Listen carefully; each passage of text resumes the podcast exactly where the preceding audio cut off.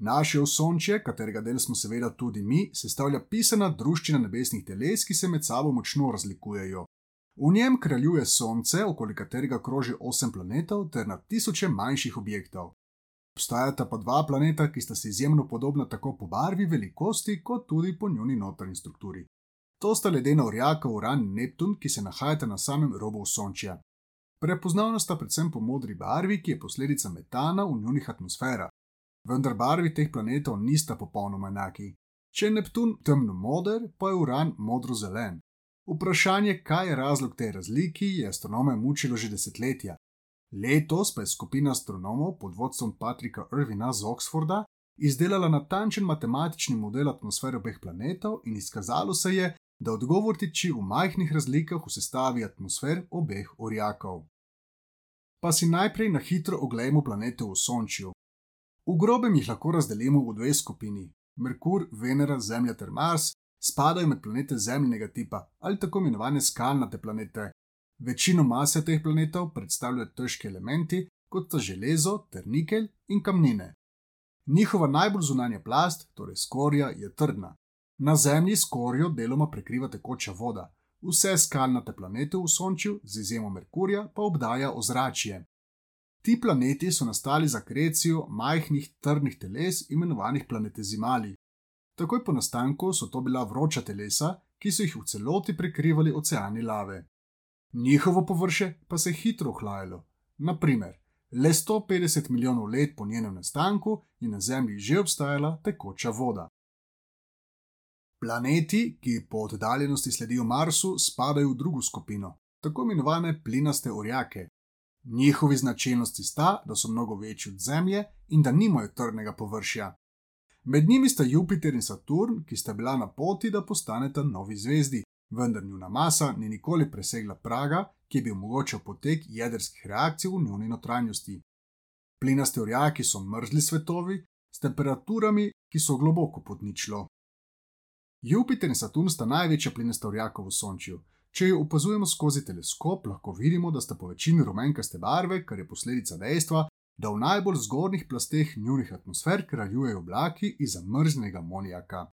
V notranjosti obeh planetov se najverjetneje nahajata trdni jedri, za katero znanstveniki mislijo, da jo sestavljajo železo, nikelj ter različne kamnine. Vodik ter helij predstavljata kar 90 odstotkov mase obeh planetov. Oba sta najverjetneje nastala v dveh fazah: najprej z akumulacijo planete Zimalo, tako je obrojstvo Sončja, na to pa za krecijo velikih količin plina. Na robu Sončja kraljujeta Neptun in Uran, ki spadata v podrazred plinastih orjakov, ki jih imenujemo ledeni orjaki. Heli ter vodik predstavljata le okoli 20 odstotkov mase obeh planetov. Večino snovi, ki jih sestavlja, predstavlja mešanica elementov, kot so kisik, oglik, dušik ter žveplo. Trdno jedro, ki se skriva globoko v njuni notranjosti, predstavlja le nekaj odstotkov njune mase. Okoli jedra se nahaja tako imenovani plašč, ki ga sestavljajo voda, metan in amonijak.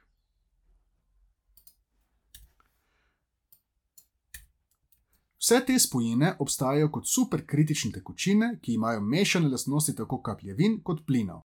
Znanstveniki si še danes niso popolnoma na jasnem, kako ledeni urjaki pravzaprav nastanejo. Nekateri modeli namesto akrecije plina na trdno jedro predvidevajo, da so se v začetnem protoplanetarnem disku, ki se je nahajal okoli nastojočega Sonca, pojavljala območja z nekoliko višjo gostoto od okolice, kar je sčasoma privedlo do lokalnega gravitacijskega kolapsa.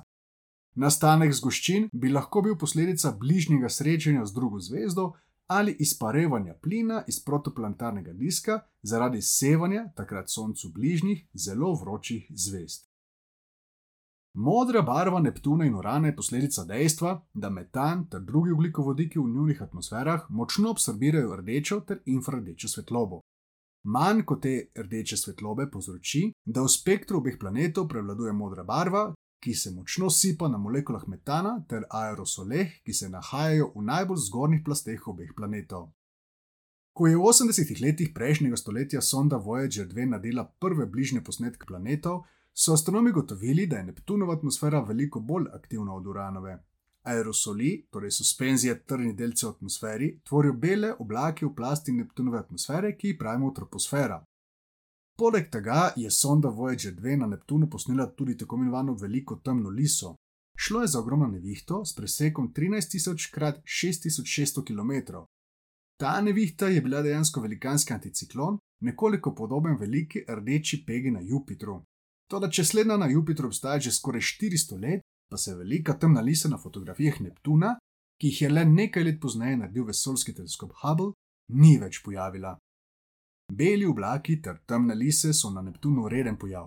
Na Uranu je zgodba drugačna, saj so znanstveniki do sedaj tam zaznali le peščico podobnih oblakov ter eno samo temno liso, ki jo je vesoljski teleskop Hubble posnel leta 2003 in je bila precej manjša od Neptunovih.